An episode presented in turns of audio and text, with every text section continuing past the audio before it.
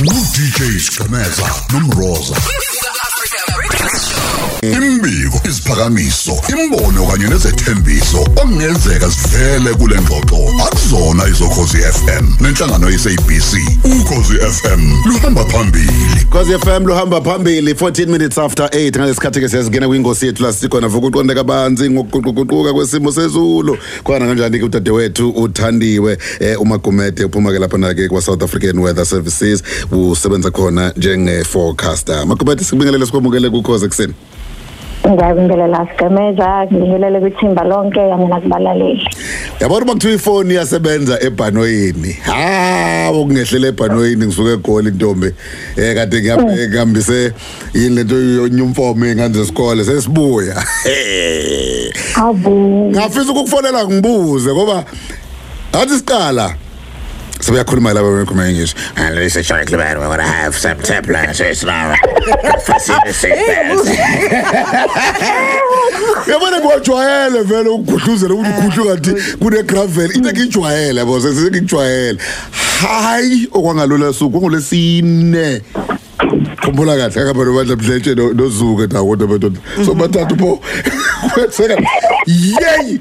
Ubugudlu kulithi gudlu into futhi ngiyasola ukuthi al- alihlalanga eKingshire ngathi lake laqala ikhombe bay ngoba la lapha lapha awalabuya kanti ha uthandiwe wena uzokutshela ukuthi mase buya ngaphela umfoka mdletshe uthi uzobuya khona lapha kwi ilukapteni izinto ntoni Yeah. sesibuye bay Sizibuye be. hawu Hawu njalo Shaka. njani? Hayi futhi isimo isimo se se se Abangani sethu abasakazi. nayo phela into nayo phela Abanye into abaningi. yiba kushuthini kushuthini ngozu Cha ngithi abasakazi Oh. bonke siphela ukhozi FM. Nabanye akade ngigibele nabo. asiyeke le Basale kasedokodweni. kodwa ngasho kathi le gravel eyenzeka phezulu ngeke ngikubuze elinye lakhe kulungile asiphume lapho singene tete wethu uright wena ngale kwamanqoko siyaphila siyaphila sigemeza awu siyaxolisa abakithi ukuthi nake nabasentweni enjalo. Into engayinhle yona impela into esabekayo kodwa-ke okuhle sigemeza ile yokuthi ayibulali. Eh kunezinto nje ezimbalwa ekumele ukuthi thina abantu sizenze. Hayi nje kuba yiloko ukuthi ingakuthusa leyo nto eh amaphapha anyuke mhlawumbe kube khona nezimpahla igudluzekayo eh kube khona nabantu abalimalayo kodwa ukubulala hayi ngeke izibulale sakhuluma ngayo le nto i- i- i- likhona igama layo lesizulu eshaya khona ngale kwaleli lethu esilungu? Ayi alikho lezulu e- engilaziyo mina ngazi nje lona leli lesilungu esithi turbulence. Mm. kusuke kwenzekani mhlawumbe ngaphambi ukuthi singene einhlobeni zakho lokhu kugudluzela ugcina sekuzwakala? Makuukuthi usebhanoyini kakhulu kusuke kuyini le yenza yonke lento le? Mm, sigameza kusuka nje ukuhlangana kwemoya, ukuhlangana kwem sithi imoya engafani. Ingangafana ngokwesisindo ingangafana ngokwezivinini ehamba ngaso ingangafana eh, ngokwendlela ehamba ngayo. Mhlawumbe omunye uya kwenye indawo omunye uya ngakwenye indawo.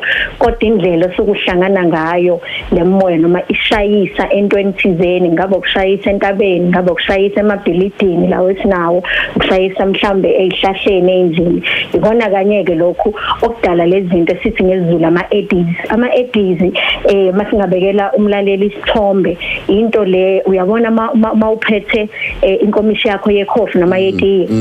Masuthi uyayigovuza noma uyagoqoza leyo nto yakheka lapho mm, elo mm. Umoya ke nawo usukushayana wenza leyo nto ukuthi uphenda phenduka kanjalo uyagudlana uyashayisana kushiyana amandla ekuthenini omunye unawo amandla kakhulu kunomunye fanele kugcine kube khona onqobekayo. Suke kuyiloko kanye ke kwi-turbulence kodwa esikhathini esiningi sigameza lento yenzeka phezulu. Isizathu sokuthi yenzeke phezulu ngoba phezulu siyabona ukuthi azikho into eziningi ezikhona lapho phansi emhlabeni kuba khona lokho esithi friction. Friction ke iloku kugudluzana kwezinto eh, zokushayiseka mhlawumbe emabhilidini ey'ndlini zethu ey'hlahleni. Kuningi ngezinye iy'khathi eh kuhamba mhlawumbe ngene emahlathini umoya wethu. Kodwa mawulapha phezulu le moya nje ishayisana kahle kungabi khona okutheni okwenzakalayo. Kodwa lokhu ke kuyingozi kakhulu eh ngokwendima yamabhanoyi lokho esithi ka aviation ngesizathu sokuthi kuyenzeka ukuthi turbulence angabi zingabi khona izimpawu zokuthi ikhona. Kodwa ke kuya ngokuya eh kuthuthuka namathuluzi amathuluzi esiwasebenzisayo aya ngokuya nawe thuthuka ukuthi kagula i-turbulence namabhanoyi lawo enisuke nihamba ngawo sigcemeza nalo leli nanihamba ngalo linawo amathuluzi ngaphakathi. Akwazi ukusho ukuthi hayi-ke sesiye endaweni ene-turbulence iyona yiphi indawo mhlawumbe esingaya ngakuyona njengoba nithi naye ebheyi nje? Iyona ndawo yayikhombisa ukuthi iyona ndawo ethanda ukuphepha-ke leyo engingaphephela kuyona isikhahlanyana uma seniphinde niyabuyela. Sihlukene kangaki le le le le- le lezinto noma iyodwa nje? Zihlukene kaningi eh ukuhlukana kwazo kuhlukana ngokuthi i-turbulence iyakheka ngesizathu sani. Eh kodwa nje namhlanje ngeke sikwazi ukuthi siyibale zonke kodwa sobala lezi zimbalwa ezothi mhlawumbe nawe mangiyibala ubone ukuthi hey, yazi ngake ngahlangabezana nento kanje eyokuqala nje ilolu hlobo esithi i-mechanical turbulence. I-mechanical turbulence ke ile eyenzeka noma eyakheka lapho khona umoya usuke uhambela ey'ndaweni ey'phansi uhambela ngasemhlabeni noma sithi uhamba close to the ground uhambela nje ey'ndaweni ey'phansi. Mase kuba khona ukuthi njengoba uhamba emhlabeni emhlabeni sithe kunamabhilidi eh kunezindlu kuney'hlahla kunamahlathi kunezinto ezahlukahlukene. Uthi mawuhamba umoya uthola ukuphazamiseka lapho khona ushayisana namabhilidi ushayisana nezindlu ushayisana nalezi iy'hlahla kwakheke lama eddies esikhuluma ngawo. Ama eddies ethu loku lokugrawunda noma lokupina noma uku- eh ukuphenduphenduka kwalomoya uya ngokuya ukhula makuwukuthi nesivinini somoya sikhulu masithi sikhulu siqala sibuke lapha ezininini esikango 30 kilometers per hour mhlawumbe kuyela phezulu. Kuphinde futhi eh le turbulence esikhuluma ngayo eh incike ekuthenini indawo eshayiseka kuona lo moya indawo enjani? Makuwukuthi indawo emahalahadla i-turbulence iba nkudlwana. Kuphinde futhi kubheke ukuthi umoya okhona umoya ozinzile yini noma umoya ongazinzanga na?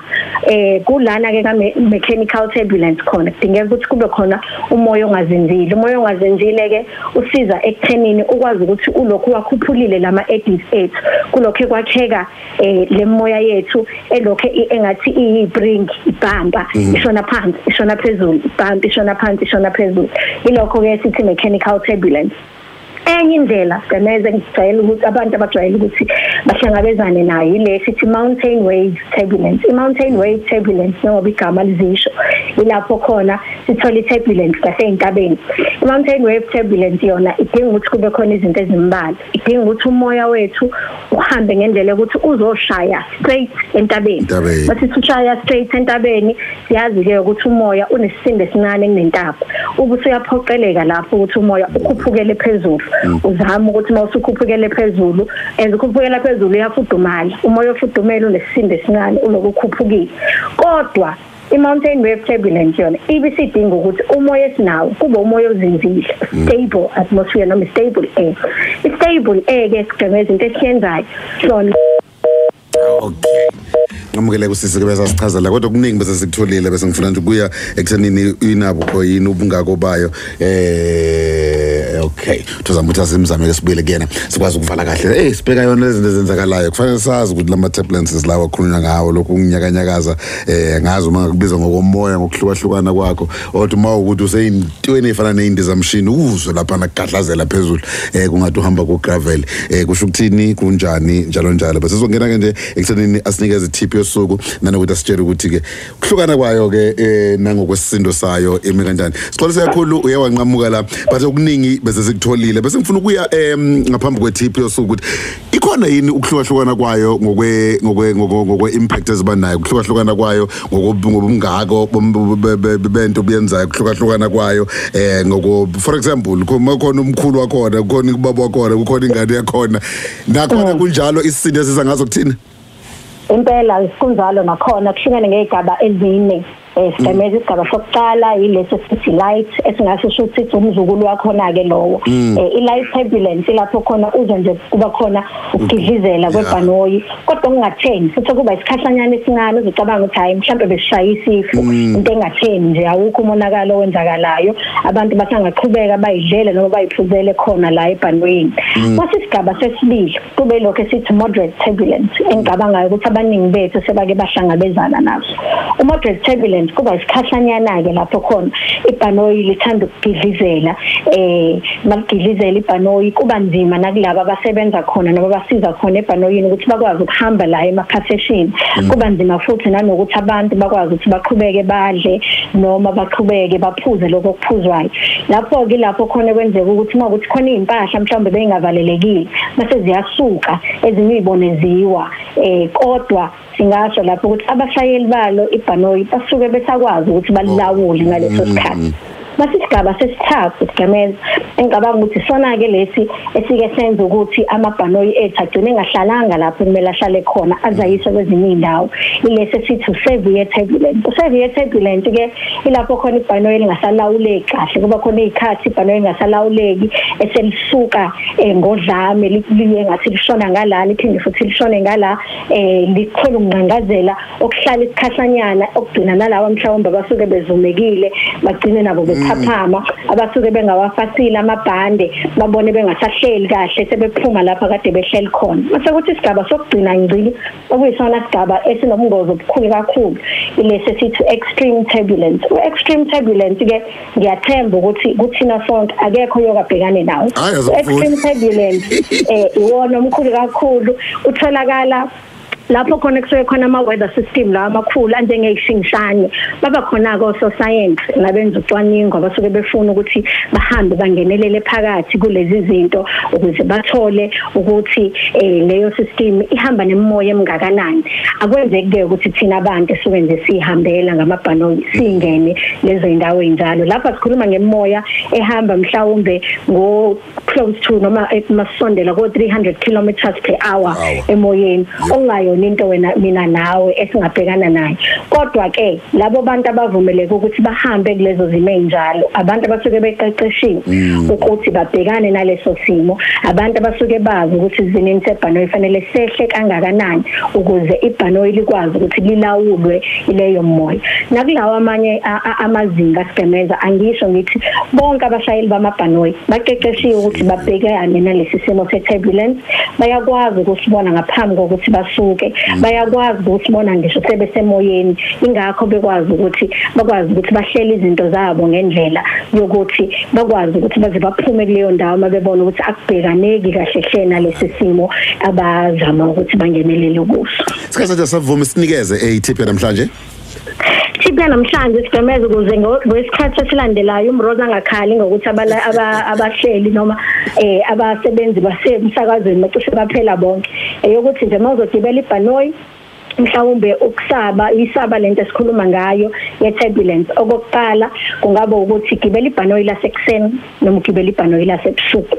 Masithi ebusuku sisho ebusuku kakhulu mhlawumbe emva kwehora lesishagalombili ilapho ke lamathuba eturbulence asuke semancane kakhulu ngoba kusekho ukushisa ayisekho imoya emkhulu sekuhamba nje kahle emabhanoyini. Okwesibili kungaba yilokho kokuthi ukuze uphephe ngoba ngishilo ekuqaleni ngathi ngeke ize kubulale phela uyothuka noma ulimale okwesibili kungaba ukuthi noma ungafika ebhanoyini ufike lapho khona kusuke sekuthiwa hayi seningawaqaqa amabhande wena mawuzazi ukuthi uyasaba hlala ibhande lakho ulifasile ngaso sonke isikhathi akukho kuyokwenzeka kuwena ngiyabonga kakhulu Siyabonga kakhulu. Kodwa usizoshintsha uvalo ngoba uyagibela namhlanje ibhanoyi.